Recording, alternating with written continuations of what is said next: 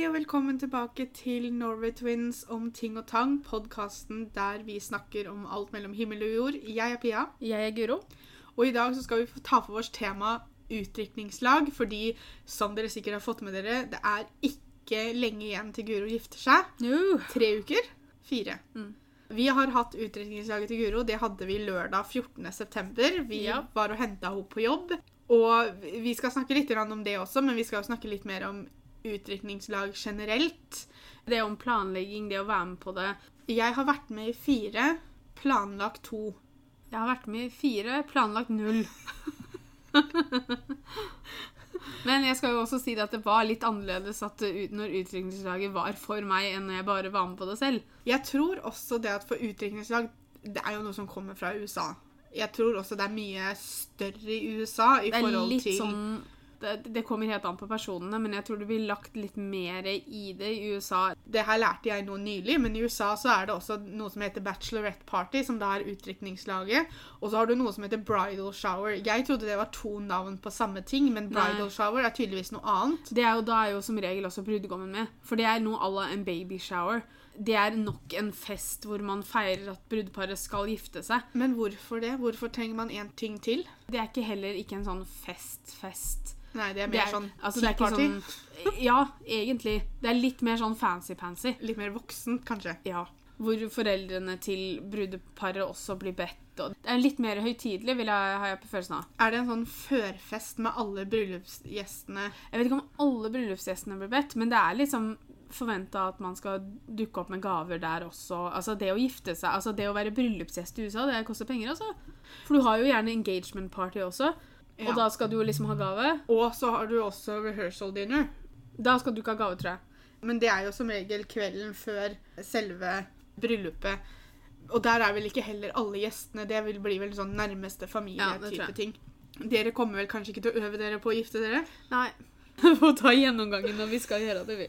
Ja, men dere skal jo på en samtale med, med presten. Ja, ja. Men det en sånn ikke øvelse for dere, men ja, Vi skal ikke øve oss på å spise, for å si det sånn. Det kan vi fra før. klarer det fint. Ja. Jeg kan huske å ha lært hva utdrikningslag var når jeg var ganske ung, for jeg tror mamma skulle i et. Hvis ikke jeg tar helt feil, mens vi bodde i Ørlunden. ja, Jeg jeg. har et sånn klart minne av at mamma drar veldig tidlig om morgenen fordi hun skulle på det, og så var ikke jeg Ja. helt sikker på hva det var. Men jeg tror det også har vært en liten skift, for før så var jo det nesten sånn Og jeg tror det er mange som fortsatt holder seg til den i dag, men at du skulle drite ut brudgommen eller bruden i løpet av dagen. At de måtte gjøre så mye sprell, og det var ikke måte på. For å si sånn, Jeg liker å si det at det er ikke et utdrikningslag, det er et utdrikningslag. Men det kommer helt an på personligheten til bruden eller brudgommen. da. Skal jeg gi ett tips angående utdrikningslag, så er det jo å tenke på hva bruden syns er gøy, og hva bruden vil. Jeg skjønner at man syns kanskje det er morsomt å, å finne på masse tull og tøys, og at bruden eller brudgommen må gjøre masse sprell og tull og tøys og sånn, men hvis det er noe som bruden ikke syns er gøy Jeg skjønner at resten kanskje syns det er kjempemorsomt. Men utdekningslag for meg er en dag som bruden eh, La oss snakke fra brudens synspunkt nå, da, for siden jeg er brud. Hvor bruden skal feire sammen med sine nærmeste venninner. Og eh, da tenker jeg at da må hun kunne sitte igjen med en god følelse når den dagen er over. Jeg var jo litt sånn, for Pia hadde veldig veldig frie tøyler angående meg. For det, jeg, altså, det skal ganske mye til før jeg blir flau. Og det var overraskende vanskelig. Jeg har alltid La oss være ærlig. Jeg var ikke veldig overraska over at det var jeg som ble forloveren din. Nei. Ikke det at jeg hadde blitt sur hadde du ikke spurt meg, men jeg ble ikke overraska. Så jeg har jo tenkt på utviklingslaget ditt i mange år, sånn, litt sånn, sånn at OK, hva hadde jeg gjort hvis Guro skulle gifta seg? Og jeg har alltid sett for meg at det kom til å være en piece of cake fordi du er sånn som du er. At jeg vet at det er ikke veldig mye du blir flau over. Det er ikke veldig mye du er sånn Nei, dette vil jeg ikke være med på.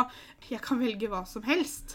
Dere holdt dere veldig nærme liksom, den laveste delen av skalaen på ting dere kunne fått meg til å gjøre. Ja, Men samtidig så vet jeg også at det var en del av den gjengen som var med på mitt utviklingslag, som syntes sikkert det jeg gjorde, var ille nok. For Kristine spurte meg jo om det når jeg fløy rundt og delte ut roser og sånn, så bare Syns du ikke det er litt flaut engang? Jeg bare Nei.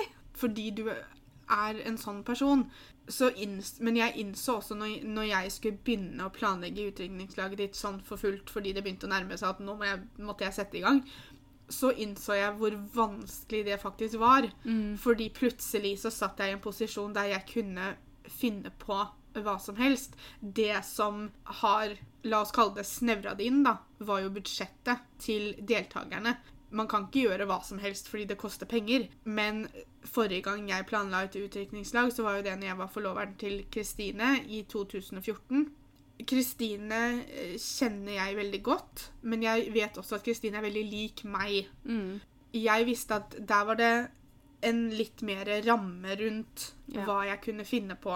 Jeg syns det er helt greit.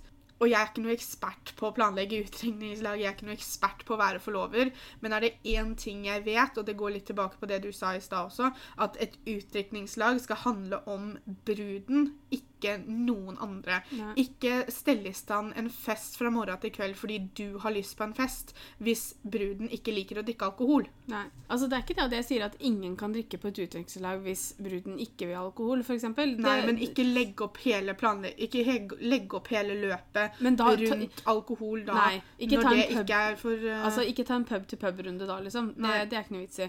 Enten så får du ønske deg det til ditt eget utdrikningslag når det blir din tur, Ja. eller så får du gjøre det en lørdag seinere.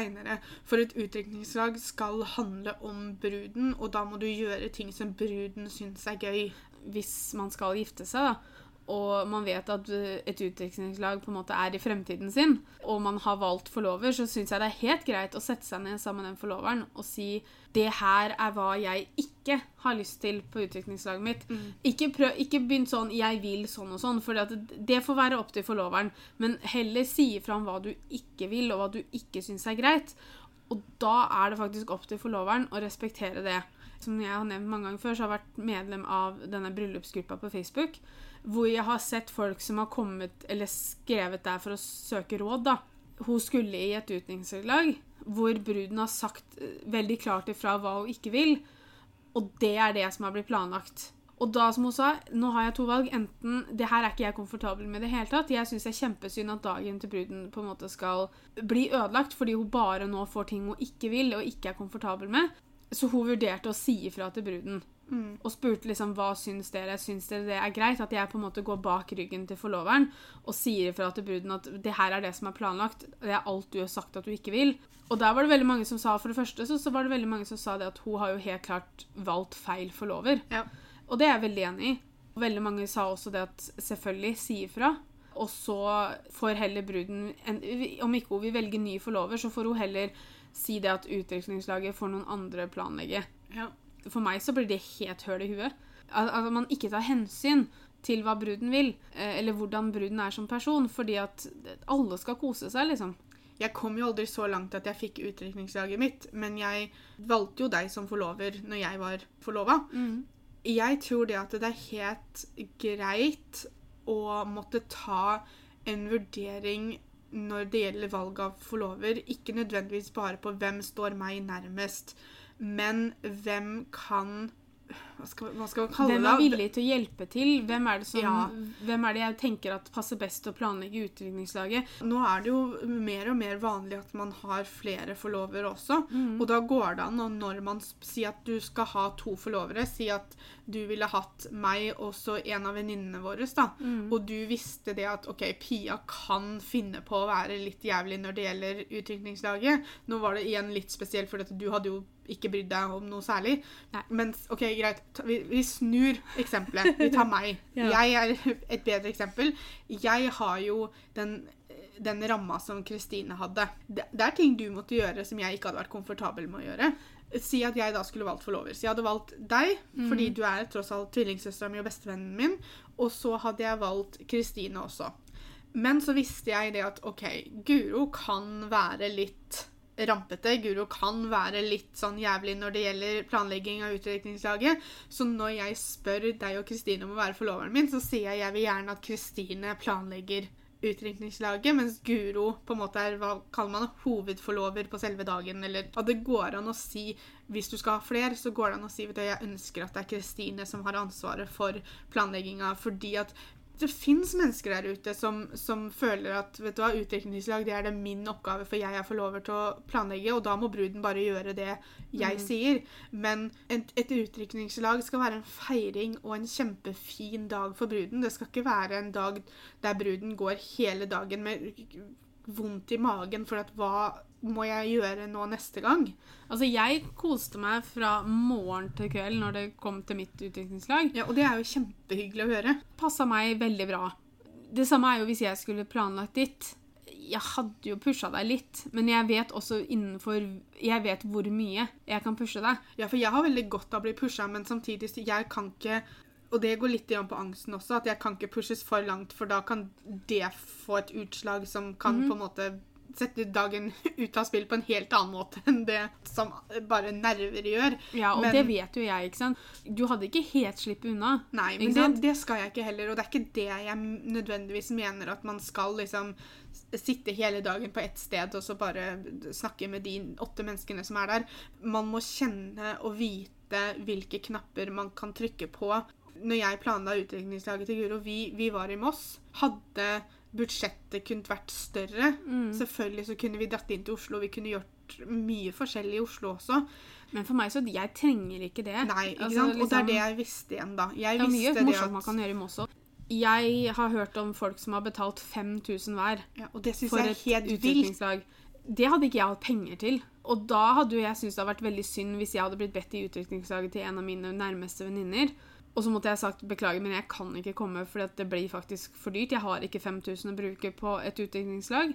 Med bryllup så kommer det jo visse utgifter. ikke sant? Kom, kanskje du må ha en ny kjole. Det kommer litt an på hvordan kleskode brudeparet har satt. Jeg og Petter har ikke satt noe kleskode, eh, så det er ikke så farlig. Men det er jo noen som er veldig sånn at det skal være sånn, det skal være sånn. Så skal du ha bryllupsgave. Kanskje du må reise, du må kanskje ha overnatting. Så da i tillegg skulle betale så mye penger for én dag sammen med bruden, for meg så blir det helt feil. Jeg... Det kommer selvfølgelig an på vennegjengen din, men sånn som vi, da, vi har også en hel haug med venninner som har barn. Mm. Vi kan ikke forlange at de skal legge så mye penger inn i en dag. Men vi hadde også noen som ikke skulle være med hele dagen fordi de kunne bare være med under frokosten, eller de måtte reise litt fram og tilbake.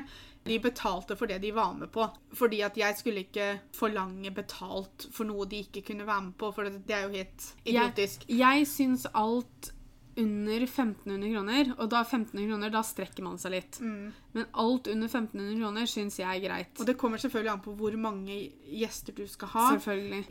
Jeg hadde fått gjesteliste av Guro. Man gjør det sikkert på begge måter at noen Eh, gir ikke gjesteliste noen Jeg syns det var veldig greit at du kunne fortelle meg hvem du ville ha med. Det var ikke alle som fikk vært med pga. vi fant bare ikke en dato som passa for alle sammen. Nei. Det er jo en annen ting. Ja. Men at jeg vet hvem du gjerne vil ha der, sånn at jeg slipper å skal sitte og gjette meg Ja, men denne personen Skal jeg be den? Skal jeg ikke be den? Det er jo også et tips. Det er tips nummer to jeg har for en sånn dag. Jeg syns man skal la bruden sette opp gjestelista jeg var også forberedt på det at ikke alle kanskje kunne komme da. Hva om du glemmer noen ja. som bruden gjerne skulle hatt med? Jeg syns ikke man øh, Jeg vet at det er veldig forskjell på hva man gjør og sånn.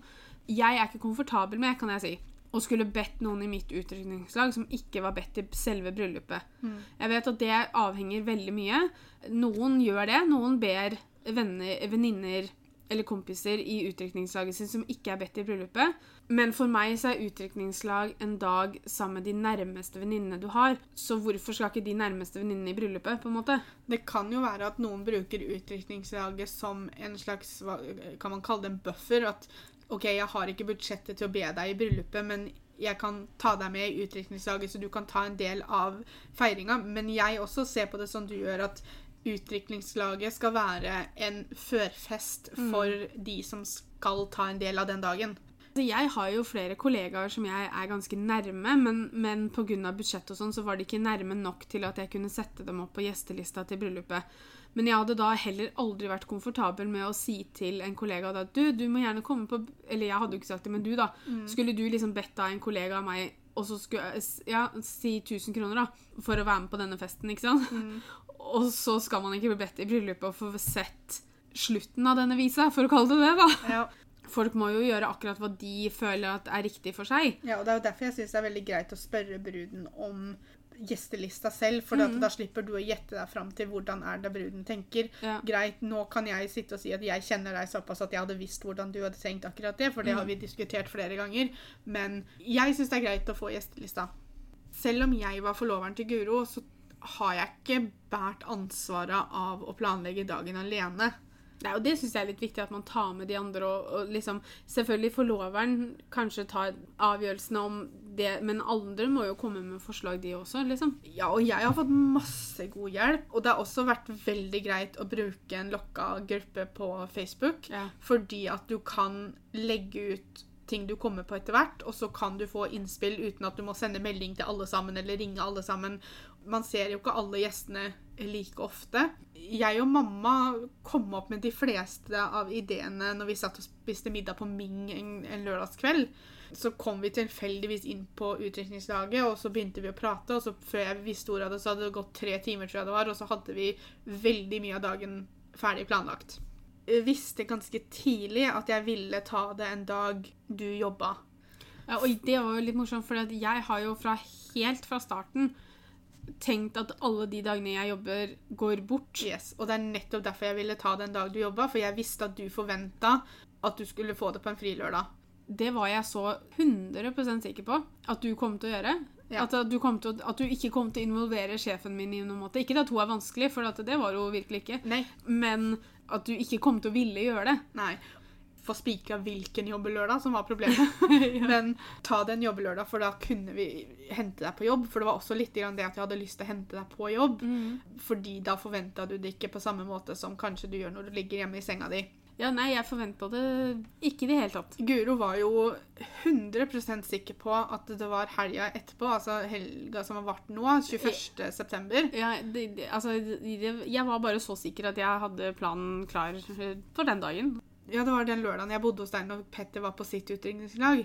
Så var det vel da du tok det opp med meg, så sitter vi og spiser middag, og så Egentlig så var det litt sånn urettferdig av deg å ta, ta det opp, fordi du vet at jeg sliter litt grann med å ljuge til deg.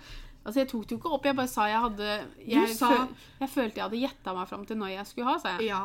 Og så Og det er jo å ta opp med deg, jeg vet det, men altså sånn Ja, og så satt jeg der, og jeg bare tenkte å nei. Og så sier hun liksom at ja, hun hadde begrensa det ned til to lørdager, men hun var ganske sikker på at det var den ene lørdagen mer enn den andre.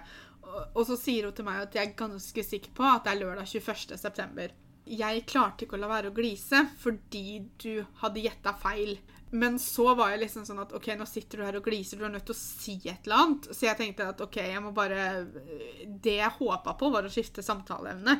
Men så blir jeg sånn som jeg blir når jeg må ta ting på sparket, så jeg begynte bare å bable om et eller annet. Og jeg husker ikke hva det var jeg babla om, men hva er det du sa for noe? Jeg tar jo bablinga di som en bekreftelse på at jeg gjetta riktig. Og så tenkte jeg ja, hvis det er det du har lyst til å gjøre, så får vi gjøre det, da. Og så tenkte jeg nå skal jeg bare spille på det, så da spilte jeg litt sånn skuffa over at Guro hadde gjetta det. Og så var jeg liksom sånn du kan ikke fortelle de andre gjestene at, at du vet når vi kommer, da må vi Du har måttet bare spille med. Vi kan ikke røpe at jeg liksom nå har klart indirekte å røpe til deg når du skal ha utdrikningslaget ditt. Og etter det så ble det jo til at vi kunne snakke litt mer, hva skal jeg kalle det, åpent om dagen du skulle ha, eller helga du skulle ha det. Selv om det var jo ikke helga du skulle ha det. Nei. Men jeg tenkte det at det her er en fin måte å prøve å holde fokuset bort fra helga før. I verste fall så kan jeg i hvert fall ikke få deg til å mistenke helga før.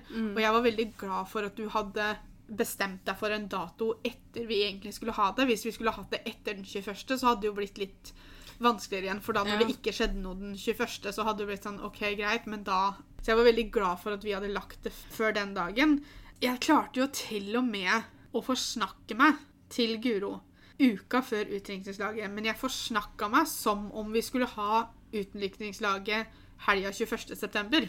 For det her var vel på en onsdag eller noe sånt, tror jeg. Ja. Og jeg tror du kunne sagt til meg Ja, eh, på fredag så må jeg jo pynte eller et eller annet. Eh, For det var ikke det du sa. Nei. Du, du snakka jo om bare Eller du sa et eller annet om at eh, I en forbisetning så sa du det at du måtte pynte hos mamma eh, Du måtte bare pynte hos mamma, var det du sa. ja. Men du kunne sagt til meg at liksom, ja, men til fredagen så må jeg jo pynte hos mamma. kunne du sagt til meg, Og så hadde jeg tenkt at du sa feil uke. Jeg hadde ikke tenkt at å, ja, men da er, 14, da er det nå til helga, da. Jeg hadde tenkt å ja, nå, hun bare sa feil fordi det er fredagen den 20. Du kunne så å si forsnakka deg helt til meg angående den helga, og jeg hadde fortsatt tatt det som at det var den 21. Ja, men det var en veldig stor lettelse når den helga var over. Fordi du går nesten på sånn eggeskall hele tiden. Jeg var jo ute og gikk tur med Kristine torsdagen før. Og hun skrevla høl i huet på meg. Og jeg og Kristine prater, men ikke så intenst som vi gjorde den torsdagen. Nei, og hun var jo hos mamma en tur på fredagen mens jeg og Helle var der og pynta. Da Maria hadde dratt innen de kom. Men da var jo hun inne, og hun sa jo at og så skulle jeg gå tur med Guro i går, og så var ikke du med, da. Men heldigvis så prata hun veldig mye, så hun syns jo du prata mye òg. Ja, og jeg syns hun prata, for jeg tenkte liksom ja, ja, det er bare å prate i vei her. Jeg har jo ikke lappen, jeg kjører jo ikke bil, så jeg har jo vært litt avhengig av at noen kan hjelpe meg med å handle inn, kjøre meg når jeg skulle opp og snakke med sjefen din. Det er litt vanskelig å be deg om å gjøre det. Så Maria har jo vært med meg. Så Maria var jo bl.a. med opp på jobben din på et møte med sjefen din der vi bare planla hvordan vi skulle overraske deg på jobb. For du skulle jo ikke jobbe før egentlig ut på dagen, men jeg ville gjerne ha deg der på morgenen. Og når vi hadde vært på det møtet på jobben din, så skulle jo vi møte deg på Mossporten. Men da skulle vi bare hjem til Maria først. Men så endte vi opp hos Maria igjen etter at vi hadde vært på Mossporten. Men da hadde jo jeg allerede vært der en gang den dagen. Og det skulle jo egentlig ikke du vite, for det var jo ikke noe logikk i at jeg hadde vært der tidligere på dagen. Så det var plutselig så måtte jeg hele tiden liksom tenke OK, jeg må ikke nevne det, nei. Og så spurte Maria er det noen som har lyst til å melde seg frivillig til å mate Aurora. Og så holdt jeg på å si ja, men jeg har jo allerede mata henne en gang i dag. Og så bare sånn nei, det kan jeg ikke si. Men altså, det, har- det er jo ikke noe problem. For hadde du sagt det og bare sagt at ja, men vi ordna noe til utdrikningsanlegg, så hadde jo ikke det gitt meg bort noe som helst. Jeg visste jo at du kom til å måtte ha hjelp til å kjøres rundt og sånn. Ja, men det var bare det at jeg blei så opptatt av at jeg kunne ikke snakke om utdrikningslaget i det hele tatt. Fordi Ja. at jeg var så redd for at du skulle begynne å mistenke Altså, jeg, jeg skal si det at jeg mistenkte det i hele tre sekunder den fredagskvelden jeg jobba For jeg jobba jo fredagskvelden den 13., og så ringte sjefen meg på jobb, og så sier hun 'Guro, kan du jobbe tidlig i morgen isteden?' Fordi at jeg visste at hun, vi lå litt etter med det å bygge om hyllene og sånn, så det var jo det hun ville ha hjelp til. Ja, ja, sier jeg, og så sier hun 'ja, da jobber du fra åtte', sier hun. Det er helt greit. Og da, i tre sekunder, så tenkte jeg 'hm, tidlig, ja'. Men så ble jeg også sånn Jeg visste jo hvordan vi lå an, og jeg visste at det var helt logisk at hun trengte hjelp til de greiene. Så jeg bare la det fra meg med en gang og tenkte nei, nei. Og så sendte jeg jo henne melding og så sa jeg at eh, hvis du vil, så kan jeg komme tidligere enn åtte. Hvis du syns det er bedre med tanke på at jo tidligere vi bygger om, så jo mindre folk er det jo i butikken og sånn. Og hun bare Ja, det hadde vært kjempeflott. Kom halv åtte. Og jeg var halv åtte. Så tenkte jeg ja, ja, det var jo meget å ta i, da. Så jeg, synes, jeg stussa jo på det. Men så tenkte jeg ja, ja, eh, halv åtte går greit, liksom. Ja, og på andre siden da så sitter jo jeg fordi at på møtet så blei jo jeg enig med sjefen din om at jeg skulle sende henne en melding på fredagen bare for å minne henne på det. Og så sendte jeg henne melding ganske tidlig. Og så var jo du her før du begynte på jobb. Så fort du dro på jobb, så skulle jo jeg ut med Maria. For vi skulle handle inn det siste, og så skulle vi hjem til mamma for å pynte opp. Og så ringte hun jo ikke mens du var her. Og så var jeg sånn Herregud, hun har ikke fått meldinga mi. Herregud, hun har ikke fått meldinga mi. Hun ringer ikke. Hva gjør jeg nå? Og så henter Maria meg så fort du har dratt på jobb. Og så skal vi da opp på høyda, for vi må på ryggesenteret. Og så sier jeg til Maria at jeg, jeg tror jeg kanskje jeg må sende sjefen til Guro en melding til. Og så jeg sånn ja, Herregud, jeg kan ikke begynne å mase på henne, liksom. Men så blei vi enige om at hvis ikke jeg hadde hørt noe innen vi kom hjem til mamma, så skulle jeg sende henne en melding bare 'Beklager, mener ikke å mase, men har du snakka med Guro?' Og så er jeg og Maria på ryggesenteret. Vi har vært på polet, og så skal vi opp på Nille og se etter et eller annet. Og mens vi står i kø i Nille, så ringer du. Og jeg bare Å nei, det er folk rundt her. Folk prater. Bare hysj! Alle må være stille. Så jeg, jeg gir jo fra meg kortet mitt til Maria. Gir det jeg skal betale til Maria. Løper bort i gangen, inn i gangen der doene er. Og står der helt trøkk... eh, Jeg vet ikke hva det så ut som hvis noen gikk forbi meg, for jeg sto helt trøkka oppi veggen, hånda foran munnen, sånn at kanskje ikke det skulle komme lyd inn i telefonen, for det er sånn det funker. Og snakka med deg og bare sånn Vi er nødt til å være kjappe, for jeg, tenk om det kommer folk. Tenk om det kommer folk. Og står da liksom og prater med deg. Og så kommer jeg tilbake til Maria bare Jeg tror ikke hun hørte noe som helst.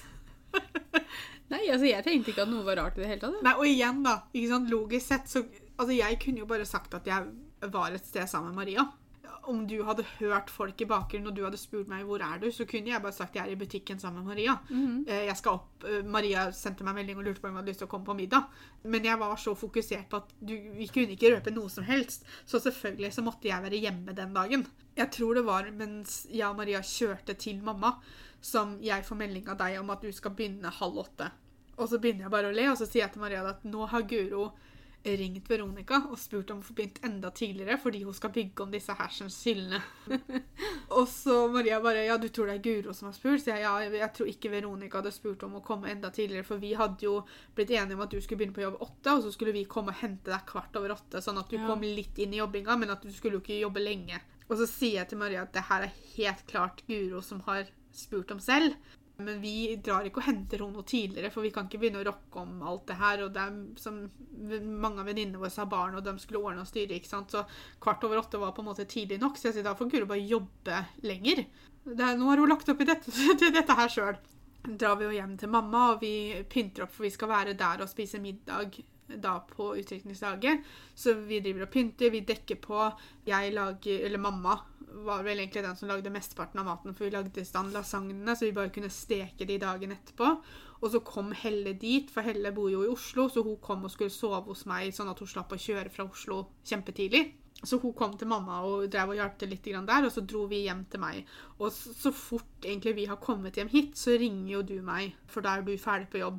Og når Guro jobber seint, så pleier hun å ringe meg når hun kjører hjem, for da er hun ferdig klokka ti, og da pleier hun som regel å ringe meg, og så prater vi mens hun kjører hjemover. Og da sitter hun her, da, og Helle sitter rett ved siden av meg, og jeg sitter og prater, og, og så sier Guro til meg på telefonen ja, jeg sendte melding til Veronica da og spurte liksom om jeg kunne begynne tidligere, og hun, hun sa jeg kunne begynne halv åtte, og så var Guro bare sånn ja, en halvtime, liksom. Ja, men jeg syns det var så merkelig.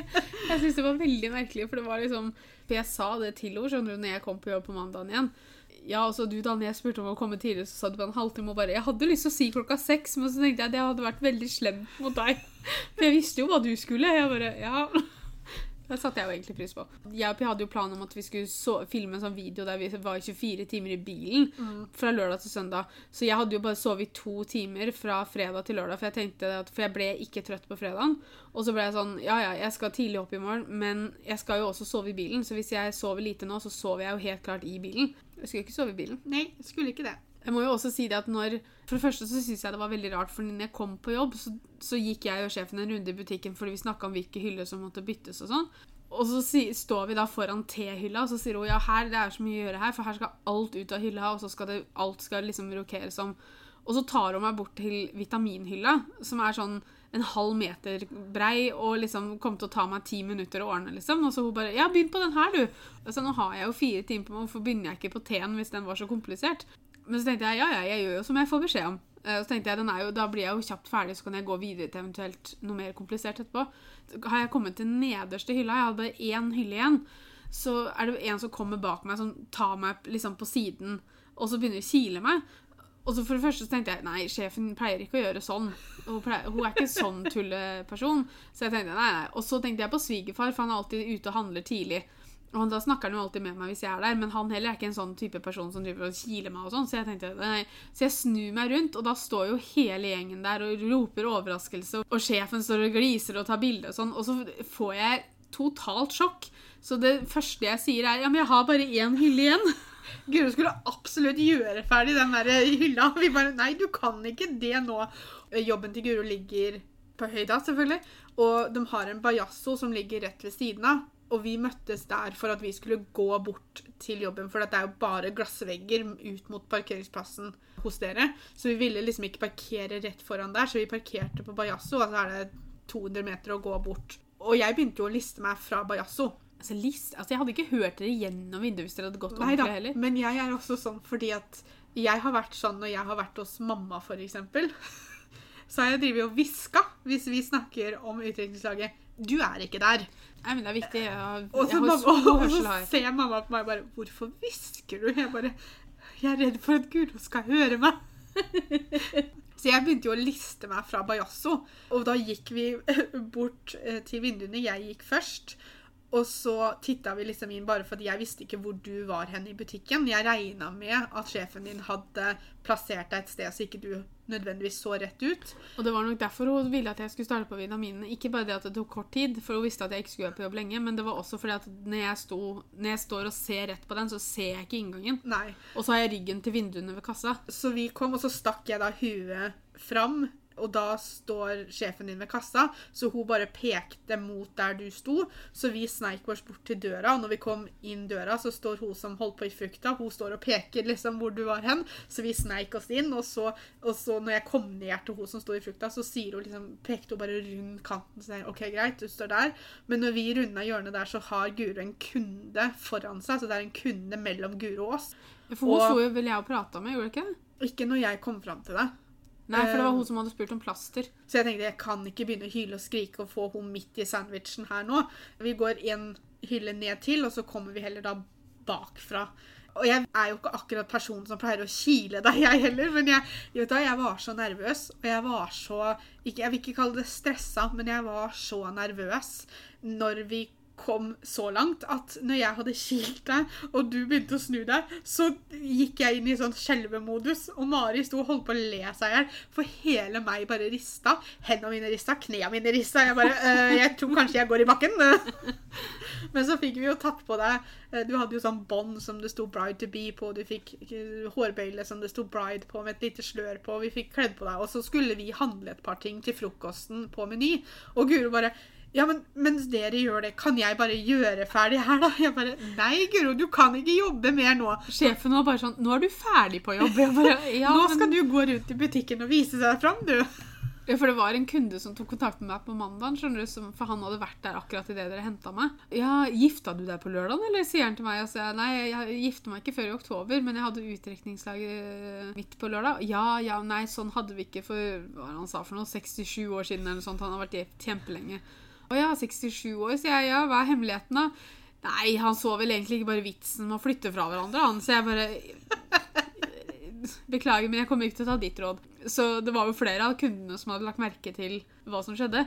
Hun som jobba i bakeriet den dagen, hun hadde jo sitt utdrikningslag i sommer og ble også henta en dag som hun jobba. Så hun var liksom sånn Ha-ha, nå er det din tur. Og jeg bare Ja. Jeg tror jeg var i sjokk til godt inn i frokosten, for å si det sånn.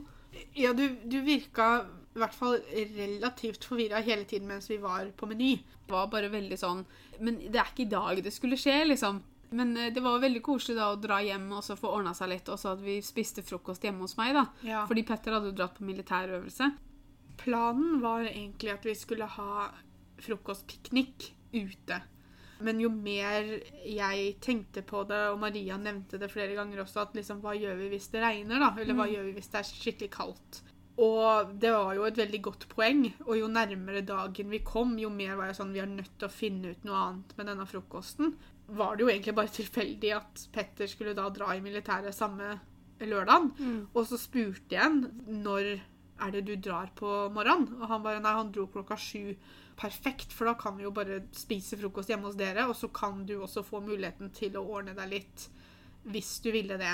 Det var veldig koselig, for da for det første så hadde, måtte vi ikke stresse av gårde hvis man sitter ute, man blir kald, hvis man sitter stille lenge. Deilig å kunne ta frokosten der hjemme, sånn at vi fikk god tid. Og vi dro vel ikke ut til byen igjen før nærmere 11.30 12. Nei, det var vel rundt 11, ja, for det var da hun igjennom måtte dra. Og vi hadde det ikke travelt. Det var også noe jeg var veldig opptatt av. At jeg ville ikke at vi skulle ha et så tett timeplan at vi måtte hele tiden passe klokka, vi måtte hele tiden videre. Jeg ville at du skulle ha god tid til å sitte og nyte frokosten, også fordi at hun igjen skulle dra etter frokosten. Så ville jeg liksom at det, der skal vi ha litt tid. De hadde lagd noen oppgaver til meg da gjennom hele dagen. To av dem kom opp under frokosten. Den ene var at jeg fikk eh, en datter plutselig, i form av et egg med et smilefjes på. Og denne lille dattera mi den hadde en seng. Det var ikke en litt stor seng, da, det var jo et egg, så det var bare en sånn liten på størrelse med liksom, en sånn ekstern harddisk-type ting. Men hun måtte jeg da passe på gjennom hele dagen, og hun eh, begynte plutselig å gråte og sånn, og da måtte jeg jo ta henne opp og, og riste på henne, som jeg kalte det. Og Ikke gjør det med vanlige barn. Nei da. Og hun var også sånn at jeg kunne ikke sette henne fra meg et sted og så bare glemme henne. Hvis, måtte, hvis jeg måtte gjøre noe annet som gjorde at jeg trengte begge hendene mine, så måtte jeg spørre en av de andre om de kunne være barnevokst og sånn. Så veldig sånn høytidelig da med dette egget. Og så fikk jeg også beskjed om at jeg måtte i løpet av dagen ta bilde av meg og hver enkelt av gjestene. Løpet av dagen gjaldt egentlig bare fram til vi kom uh, før lunsj, så løpet av dagen var egentlig å ta i litt. Ja. Uh, derfor strefsa jeg ikke så mye med det, så det endte opp med at jeg plutselig måtte gjøre alt sammen i byen, fordi at Pia sa 'nå må du ha gjort det', egentlig. Og så sa jeg 'ok, da må jeg gjøre det her'. Jeg fikk jo også oppgaven når vi kom til byen om å gå på rollerblades gjennom hele gågata. Hvor lang vil du si at gågata er? 500 meter, kanskje? Ja. Bortimot. Kanskje. Jeg fikk heldigvis lov til å lene meg, eller at to stykker skulle holde meg, for ellers hadde jeg måttet krabbe gjennom hele greia, og det hadde tatt tid. Ellers hadde jeg brekt et bein. Planen var at hun bare fikk lov til å holde seg i én, men når jeg så Guro skulle reise seg opp på rollerbladen, så skjønte jeg fort at her må vi ha to, for ellers så kommer Guro til å brekke beinet. For det var da mamma og Iselin som ikke holdt meg i hver sin Jeg fikk holde dem. Og noen ganger så dro de meg av gårde, andre ganger så var det jeg som styrte farta, andre ganger så sto jeg i en sånn vinkel, sånn framoverlent, mens jeg prøvde liksom å holde balansen og sånn. Og det er jo en sånn ting som Altså, jeg lot Altså, jeg tenkte jo ikke over at vi gikk gjennom gågata engang. At folk kunne se meg, eller eh, at folk kanskje syntes jeg var litt rar da jeg prøvde å stå på rollerblades oppover gågata. Jeg tenkte ikke over at det var andre folk der i det hele tatt. Jeg konsentrerte meg bare om at jeg ikke måtte slippe, og at jeg ikke måtte falle. Så jeg syns egentlig det var, var gøy. Det er overraskende hvor sliten du er. Jeg har ikke hatt rollerblades på beina siden jeg var sånn tolv eller noe. Når jeg hadde på meg, sto ned en bakke, og så datt jeg og slo lufta ut av meg, for jeg datt rett på rumpa. Og etter det så hadde jeg jo ikke det på meg noe mer. Nei. Og når jeg hadde gjort det, så fikk jeg sånne små pins som liksom var tegn på at jeg hadde klart oppgavene. Så når jeg hadde stått på rollerblade, så fikk jeg da en rollerblade-pin som jeg kunne feste på dette bride to be-båndet som jeg hadde rundt eh, kroppen, holdt jeg på å si, over skulderen. Og så fikk jeg et sånn fotokamera når jeg hadde tatt bilder. Og så måtte jeg dele ut roser i gågata, og da måtte, kunne jeg ikke gi fra meg rosen før jeg hadde gitt personen jeg ville gi blomsten til, et kompliment. Det å gi bort gratis roser, det er ikke bare bare. Hadde med vilje ikke tatt røde roser, fordi det forbinder folk med Arbeiderpartiet. Altså, Valget var jo over, men jeg ville ikke gi folk et inntrykk at det var det det var. Så jeg kjøpte hvite roser. Samtidig så gikk du der med en sånn rar hårbøyle på deg som det sto Bride på. Ja, og så hadde jeg sånt entourage av damer som fløy etter meg og flira. Men eh, visse mennesker takler visst ikke noe særlig det. Jeg gikk bort til to eldre damer, for jeg syntes de hadde så fine kåper. Og så tenkte jeg det her er jo en fin mulighet. Så jeg, så jeg gikk bort til dem og så sier jeg, hei, damer. Jeg bare må si at jeg syns dere hadde utrolig fine kåper, så jeg hadde lyst til å gi dere en blomst. Hun ene tok imot og, og smilte. Hun andre stakk Hun sto og holdt et sånt papir i hånda, jeg vet ikke hva det var for noe, jeg er ikke så nærsynt. For det stakk hun liksom, Akkurat som hun satte opp en vegg mellom meg og hun, for hun stakk det liksom opp i ansiktet mitt. Og så bare Nei! Nei, du trenger ikke, sa jeg. Og så gikk jeg. Men, og det var to mannfolk òg som jeg liksom gikk bort til og skulle gi rose, og de og bare sånn Nei takk. Jeg bare Ja, men altså Ta den og så kast den borti veien her. Jeg prøver å være snill. Så det var noen som ble liksom veldig skremt av disse blomstene. Jeg elsker å gi komplimenter. Jeg synes det er kjempegøy. Jeg gikk også bort til to stykker som sto og solgte vafler eh, i gågata. De skulle be da, for ekteskapet mitt, og sånn, for det var jo tydeligvis en kristen kafé. Så de skulle be for meg og Petter og be for ekteskapet, at det skulle være et lykkelig og langt ekteskap. sånn. Dere vet jo at jeg er jo ikke spesielt religiøs av meg, men jeg takka jo selvfølgelig og sa tusen takk for det. og altså, Jeg sier jo ikke da at 'jeg tror ikke på Gud'. Jeg. Man smiler og takker, og så kan man tenke hva man vil om det. på en måte. Men eh, det var overraskende vanskelig å dele ut disse rosene. Hvor mange var det? 20 stykker? Ja, vi måtte jo le litt, fordi at Guro ga også en blomst til Det sto noen sånn litt yngre personer rundt omkring i gågata som drev og hadde noe spørreundersøkelser, eller om de prøvde Nei, å selge et eller Det annet. var fra det var. Plan Norge, tror jeg det var, faktisk. Ja, ok. Men Guro gikk bort til han ene der og ga han et kompliment og ga han en rose. Og så gikk han forbi oss senere, og da han satt rosen i sekken sin, så han kan ikke videre eller kassa den. Han tok vare på den. Ja, det syns jeg var veldig hyggelig. Og så etter jeg hadde delt ut disse blomstene, så fikk jeg da på meg bind for øya, for da skulle vi gå videre. Det som er dumt med meg, er det at jeg klarer ikke å slå av huet mitt. Så jeg visste nøyaktig hvor jeg var hele tiden. Ja, og det visste jeg at du kom til å gjøre. For det første så er det å skulle lede noen i blinde i Moss sentrum er litt vanskelig fordi det er veldig bemerkbare Forskjeller, forskjeller på, på, på eh, liksom brostein, asfalt Inne på senteret. Ja, ikke sant? Så du, du merker Jeg tror hadde det her vært mamma, så hadde hun ikke visst hvor hun var til slutt. Nei. Mamma er som meg, hun eier ikke stedsans. Guro, jeg visste at hun kom til å vite hvor hun var, men jeg bare tenkte at det her er liksom sånn, det hører med, du må ha bind for øya en eller annen gang i dag. Ja. ja, for det var liksom Så vi gjør det nå. Du snurra meg to ganger rundt, og så gikk vi liksom ut av den ene inngangen, og så gikk vi da en runde på parkeringsplassen, hvor jeg ble litt nervøs, for jeg hørte motorer som var veldig nærme meg. Ja, og da Um, tydeligvis når Guro får bind for øya, så tror hun det at jeg kommer til å la henne bli påkjørt. Nei da, men jeg er mer at jeg er skeptisk til de som ikke ser seg for, enn at ikke at du tar meg ut i Ja, men jeg går jo ikke midt i veien med deg, da. Nei da, jeg vet det. Og så gikk vi da inn på senteret igjen, en annen inngang, og så gikk vi tvers igjennom senteret, og så gikk vi ut av senteret igjen. Og så da var liksom, Det var vel første gang mamma spurte meg hvor vi var hen. Og jeg bare Ja, nå er det, heng nå er det et klesstativ der som vi sto og så på i stad, og Narvesen er der. Og så var det ingen som sa noe, så tenkte jeg ja, det er jo da egentlig en pekepinn på at vi er på riktig vei. Men det er fordi at mamma kunne like så godt vært i Oslo innen vi hadde kommet dit hvis hun hadde gått med bind for øya så lenge. Ja, og så gikk vi da opp, og så gikk vi liksom over veien, og så gikk vi litt lenger bort, og så sier mamma igjen 'Ja, hvor er vi nå, da?' Jeg bare 'Ja, nå ligger Fretis der, og så er Brun og blid der'. Og mamma bare eh. Og det var jo ikke lenge etter det som vi faktisk tok av deg bind for øya, for vi fant ut at det her er jo ikke nødvendig engang. Ja, fordi at vi kom bort til Vi gikk litt grann til, og så sier Bjørn 'Nå kommer det en trapp', og så jeg, vi er jo i mikroen, så og bare, Da kan du ta den av. Så da kunne jeg gå i trappa sjøl. og da hadde de stelt i stand en utrolig koselig koldtbordlunsj til meg på Mikron, som da er stedet hvor Petter og jeg hadde første daten vår. Så det var jo veldig spesielt at vi dro dit. Det syns jeg var veldig koselig. Det var nok den første tingen jeg og mamma fant ut av. Ja. At uh, vi hadde lyst til å, Å dra dit. dra dit. Planen var å ha utdrikningslaget til Guro lørdagen 10. august. Og det var egentlig ferien til Guro. Jeg trodde det var siste lørdagen i ferien din. Så viste det seg at det var første lørdagen i ferien deres, og dere skulle jo reise bort, så vi måtte flytte det. Og det var da jeg bestemte meg for at vi må ta en jobbelørdag. Mhm. Men hele veien så ville vi ha lunsjen på mikroen. ja. Men den tiende så skulle det jo være damenes lunsj, så da hadde vi ikke kunnet vært der. Ah. Så vi syntes det var egentlig veldig greit at vi måtte flytte det, for da kunne vi ta lunsj på mikroen. Ja. Så jeg og mamma dro ned på mikroen og snakka med Marit, som er hun som driver det. For mamma kjenner henne. Og vi planla litt hva vi forventa, hva vi ville, når vi kom til å være der. Bestemte da at vi skulle ta tapas og ta litt sånn koldtbord-lignende buffé-type ting. Og så kom da Håkon, som er kokk der nede. Han kom, og han kjenner jo jeg og Guro veldig godt, for det er jo lillebroren til Helene og Iselin. Så vi har jo kjent han siden han var åtte år eller et eller annet. Og vi fikk stelt i stand akkurat det vi ville. Og når vi kom dit da på lørdagen, de hadde dekt på, og det var så utrolig god mat. ja. Og det smakte så utrolig godt. Vi var alle veldig, veldig sultne innen, det, Mhm. innen vi skulle spise. ja, for tida gikk fort. Ja, og vi satt der vel også et par timer, tror jeg. Ja, og når vi kom dit, så fikk jeg jo da beskjed av Pia om at jeg hadde fått ny oppgave. Og det var at jeg måtte skjenke Prosecco til alle sammen. Og måtte også holde en sånn velkomsttale og ønske alle velkommen før vi kunne begynne å spise. Og det gjør jeg jo med en hjerne. Jeg har ikke noe problem med det, jeg.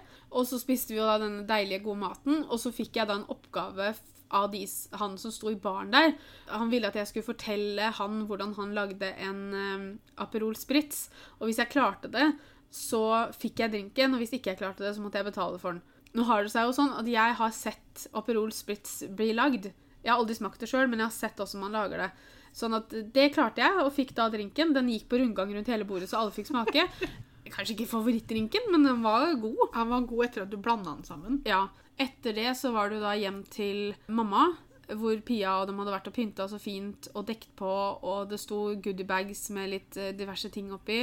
Og da skulle vi ha en sånn gavelek som jeg syns er veldig veldig gøy. Vi gjorde det i utdrikningslaget til Maria også. Og det er da at alle som er med på utdrikningslaget, skal ha med seg en gave som jeg skal pakke opp. Og så skal den gaven enten representere hvordan vi ble kjent, selve vennskapet, eller en spesiell hendelse i vennskapet vårt, noe vi har gjort sammen, eller noe sånt. Og så er det da om å gjøre for meg å gjette hvem det er som har gitt meg gaven. Og jeg vil jo si jeg klarte alle. Det var bare den ene gaven til hun som måtte dra klokka 11, som Når jeg så innpakninga, så sa jeg det er helt sikkert henne. Og så pakka jeg opp, og så ble jeg forvirra, for hun hadde gitt meg noe med London på, og jeg hadde liksom vært i London med 90% av de som var der. Så da kunne det liksom egentlig være fra alle. Jeg får litt sånn prestasjonsangst, da. Folk hadde vært så lure òg med Ja. hva de ga til deg. Mm. Det er alltid spennende å se hva folk har valgt å, å gi fordi at Sånn som meg, for eksempel. Da, det er snakk om 34 år. Prøv å velge én ting å gi bort. da. Ja. Eh, Eller eh, med Helene og dem, så er det hva da? 18. 18 år. Maria 15 år. Altså det er liksom det- det er lange vennskap nå. Og det, det ble litt runder med, med spørsmål om hjelp på Facebook-gruppa, for å si det sånn. Alle bare 'Hva skal jeg kjøpe?' ja, og det er jo ikke noe rart i. Nei. Men jeg syns, jeg syns det er en veldig morsom lek å ha, da. Og så etter det så var det jo middag og bare sitte og skrevle og ha det kjempekoselig. Og det, det ble en perfekt dag. Jeg var hjemme halv ni på kvelden. Vi var Helt så greit. slitne og trøtte, men kjempefin dag. Og jeg er bare kjempefornøyd fordi jeg vet at Guro var så fornøyd. Og det er jo det man vil. Man vil jo at bruden skal sitte igjen og føle at vet du, den dagen her har vært kjempebra. Vi har en video om utdrikningslaget på YouTube-kanalen vår. Hvis dere bare søker på Norway Twins, så kommer kanalen vår opp. Det er litt grann klipp fra selve dagen. Det er ikke en dag vi vlogga vanlig på. Nei. Så det er en alternativ vlogg, men eh, man får se litt grann fra dagen. Og vi har fått noen spørsmål fra Instagram angående utdrikningslaget som vi tenkte vi kunne svare på nå. De to første spørsmåla som jeg tenkte jeg skulle nevne, har noe med alkohol å gjøre. For det var en som spurte hvorfor vi valgte å gjøre det alkoholfritt. Hun syntes egentlig det var positivt, men bare lurer. Og det kan vi jo si at det, alkohol, det var ikke alkoholfritt. Men vi viste ikke nødvendigvis at vi drakk i videoen vi la ut på YouTube. Det er helt greit å vise et, vise et sunt forhold til alkohol på YouTube. Det er ikke nødvendigvis det det gikk på. Du hadde vel også med et klipp når jeg skjenka opp i Proseccoen på eh, mikroen, tror jeg? Ja, jeg, jeg husker ikke helt hva jeg tok med i videoen, for å være helt ærlig. Men det gikk aldri på det at vi skulle skjule at det var alkohol. Men det Nei. går mer på det at for det første så skulle vi ikke vlogge den dagen. Så det var ikke det å vise fram så mye som mulig. Vi har bare tatt med små, små klipp her og der. Men det går også på det at det her var en dag som handla helt og holdent om Guro. Og vi skulle ikke trykke et kamera opp i ansiktet på diverse venner som mange av dem heller ikke har lyst til å være på internett. Og det er derfor det kanskje ikke kom fram, da, at det var faktisk alkohol. Og jeg og Guro har jo sagt flere ganger at vi drikker ikke veldig mye. Guro drikker oftere enn det jeg gjør, men jeg er ikke veldig glad i alkohol. Hva andre spørsmålet er det at om det ble servert alkohol. Og da skrev hun også det at bare lurer siden dere har vært veldig åpne om at dere ikke drikker så mye. Ja. Og før, når vi begynte med YouTube, så var det jo ingen av oss som drakk i det hele tatt. Og det sa vi jo flere ganger. Men hva skal jeg si, altså har vi begynt å drikke igjen, eller hva Altså, jeg jeg, jeg drikker veldig, veldig sjelden, men jeg kan godt ha litt hvitvin eller en sider eller noe sånt noe, men det er sjelden det skjer. Jeg, jeg drakk et glass med Prosecco på mikroen, og jeg liker ikke Prosecco, men jeg fikk det ned. Og det tror jeg var det jeg drakk alkohol. Men det var bare mest fordi at jeg var så fokusert på timeplan og alt annet som skulle skje, at jeg bare Nei, jeg holder meg til Pepsi Max-en, jeg. Kostnader og spleising, hva er innafor å betale, og hva er over grensa? Det har vi snakka litt om, men jeg tenker at det viktigste når man setter opp budsjettet for et utdrikningslag, er jo det at bruden ikke skal betale. Og nå sier ikke jeg det fordi at jeg er bruden, men sånn er det i alle utdrikningslag. At bruden skal på en måte få dekka alt sitt. Som vi sa i stad, at jeg maks 1500, og da har jeg strekt det litt. forloveren som planlegger utdrikningslaget, kan nå er det jo veldig greit å bruke en gruppe på Facebook f.eks. Spørre de andre gjestene hva har dere muligheten til. Og da ta og finne et beløp som kan passe alle. Man trenger ikke å gjøre utviklingssang kjempedyrt. Nei. kommer jo litt an på forventningen til bruden. sant? Altså, hvis bruden er en veldig sånn like fart og spenning, og sånn, så er det jo greit å kanskje gjøre noe sånt. Men igjen, man må se på situasjonen til alle som skal være der. Jeg syns det var veldig greit å ta middag hjemme hos noen, fordi at det blir billigere enn å Ja. skulle gå ut og spise. Selvfølgelig, det er ikke alle som har et sted som kan Vi, vi var ti, ni stykker Ja. til middag. Mamma hadde plass til det. Hadde vi vært én eller to til, så kan det hende det hadde blitt eh, litt trangt. Men hvis man har muligheten til å gjøre det på den måten, så er det en løsning. For da bare kjøper man inn drikke og maten. Og det gjorde jeg med pengene som jeg hadde samla inn fra resten av folka, holdt jeg på å si. Champagne eller Prosecco? Da må jeg si Prosecco. Jeg er egentlig ikke sånn kjempeglad i noe av det, for jeg syns det er en veldig spesiell smak. Men hvis jeg må velge en av dem, så er det i hvert fall Prosecco. Du skal ikke svare? Nei, jeg liker ingen av dem. Jeg, så Da kan man, da kan man si det. Hva var reaksjonene fra de fremmede folka rundt dere? Jeg kan ikke si at jeg lot så veldig merke til det. Jeg vet at folk så liksom, fordi at de så at jeg gikk med dette sløret og sånn, men Det blir jo automatisk titting, fordi at det blir jo litt volum når man går ti damer sammen. Ja. Men, og Guro gikk, la oss kalle det utkledd. Eh, Det var jo mange som stoppa deg og sa gratulerer og, og Ja, for det, sånne var, ting. det, var, det morsomme var jo at en av de jeg valgte å gi den rosen til og gi et kompliment, var jo da en jente som gikk sammen Eller en jente, en ung dame som gikk sammen med mora si, og de skulle å prøve brudekjole senere i dag. Nei, jeg, jeg tror ikke jeg, Unntatt de som ikke, absolutt ikke ville ha denne blomsten, da, så fikk jeg ikke noen negative reaksjoner på Det her. nei, det var ikke noe negativt i det hele tatt. Det Folk smilte og titta litt og, Ja. og sa hei til meg og liksom sa 'Å, så koselig', og 'gratulerer' og 'lykke til' og sånn. Og det syns jeg bare er koselig. Mm. Visste Petter om utrykningslaget? Det gjorde han. Han visste ikke om det lenge før. Jeg tror det var to uker før tror jeg jeg sa ifra til han. Fordi jeg måtte spørre han om når han skulle dra med tanke på frokosten. Men det var aldri liksom sånn Nei, det her skal ikke Petter vite noe om. Det var mer Realiteten er jo jo færre som vet om det, jo vanskeligere er det Eller jo mindre sjanse er det for at ting blir røpa. Ja, og jeg trodde ikke nødvendigvis det at Petter kom til å fly rett hjem til Guro til å, du skal ha seg i 14. Men det var mer det at jeg var redd for at han kanskje kunne ha fått røpa seg pga. han plutselig ikke skulle gjøre noe da og da, eller gjøre sånn og sånn. Eh, til og med med farmor så sa jo jeg til farmor at vi skulle ha utviklingslaget til Guro dagen Guro trodde det skulle være, istedenfor dagen det faktisk skulle være. Fordi jeg var redd for at hun kunne finne på Ikke finne på, men at hun kunne komme til å forsnakke seg om et eller annet. Var begrensa med folk som visste sannheten.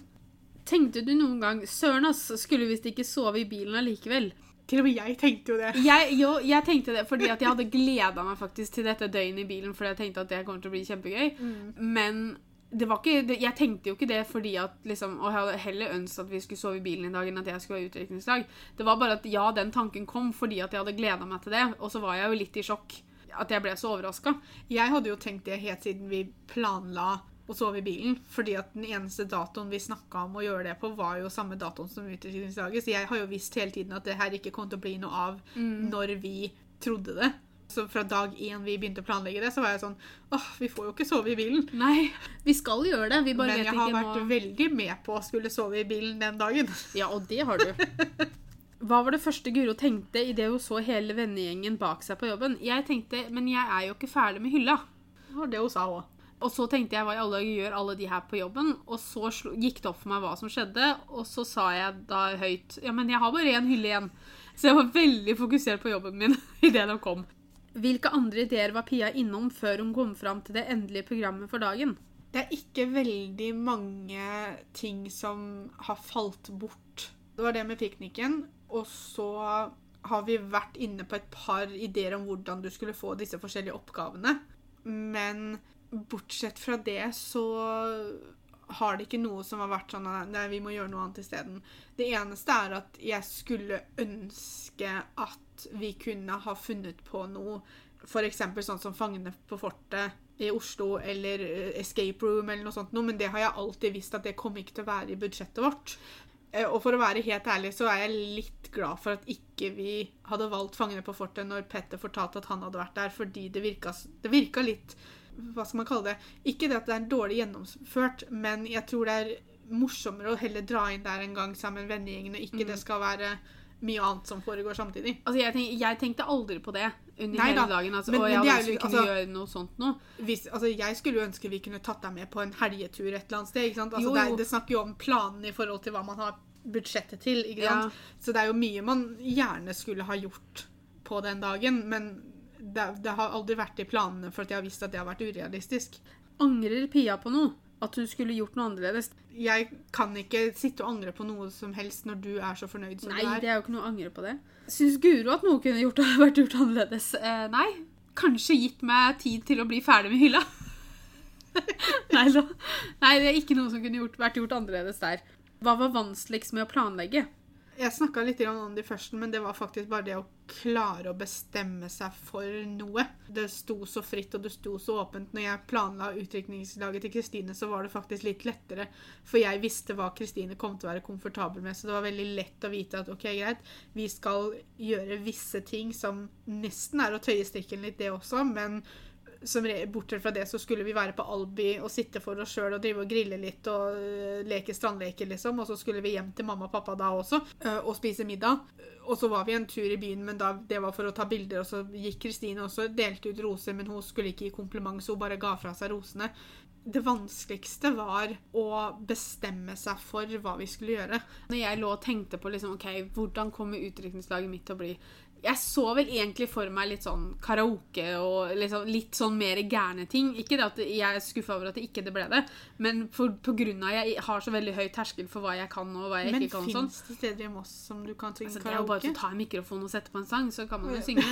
altså, det, det, Ja, du tenkte at du skulle stå i gågata og synge? Ja, altså liksom, nå, nå skal Guro synge en sang, vær så god. Men, så det var, jeg hadde kanskje sett for meg litt mer sånn Ikke det at jeg syns det er synd at ikke det ble sånn, for det hadde ikke gjort meg noe om det ble sånn heller. Misforstå meg rett her. Men jeg hadde kanskje sett for meg villere ting. Men det er ikke det at jeg syns det som ble, er dårlig. For det var det absolutt ikke. Jeg syntes det var veldig gøy. Jeg, det, altså, jeg ble litt frustrert når ikke folk ville ha rosen min. Eh, men, men det Så dagens lekse ta imot blomster når de til, blir tilbudt til deg. Ja, herregud. Dagen var så utrolig koselig, og når jeg kom hjem da Jeg fikk, jeg fikk ikke til å gå og legge meg, selvfølgelig klokka var halv ni, men når jeg kom hjem på kvelden og liksom satte meg ned hjemme Petter var jo ikke der, du var, måtte jo sove her fordi at Helle skulle sove hos deg, så jeg satt helt alene og så bare sånn Ja, da har jeg vært gjennom det òg. Og så måtte jeg liksom la alle inntrykk og sånn bare synke over meg litt. Så jeg klarte ikke å gå og legge meg på sånn tre timer, eller sånt, men da var jeg ordentlig sliten òg. Inntrykk og sånn. Det er jo helspenn av følelser hele dagen. Så man blir jo faktisk veldig sånn emosjonell sliten. Hvis man kan kalle Jeg det Jeg tror vi det. var slitne hele gjengen. jeg. Det var godt å komme hjem, for å si det sånn. Ja, for jeg sov ganske seint på søndagen. Det, det ble noen timer søvn den natta. Jeg og Helle tror jeg sto opp sånn rundt ti, tror jeg, og så dro jo hun halv elleve. Ja. For både jeg og Helle våkna jo opp med skikkelig vondt i halsen, og Ja. bare oh-oh. Ja, jeg har vel så å si vært forkjøla siden det. Og det er jo 14 dager siden snart. Ja. Sånn kan det gå. Det var vår podkast om utviklingslag. Litt om eh, planlegging og litt om hva jeg gjorde på mitt. Det har vært veldig gøy å sitte og, og prate om det, for da er det nesten som å oppleve det på nytt. Så tusen takk for at dere hørte på. Vi er tilbake neste søndag med en ny podkast. Vi kommer til å legge ut bilde om den podkasten her på Instagrammen vår, som er Norway Twins blogg med 1G, hvor dere kan komme med tips til andre som skal planlegge utdrikningslag. Kanskje dere har vært på et, kanskje dere har hatt et som dere har lyst til å dele litt erfaringer fra. Vi høres neste søndag. Ha det bra. Ha det bra!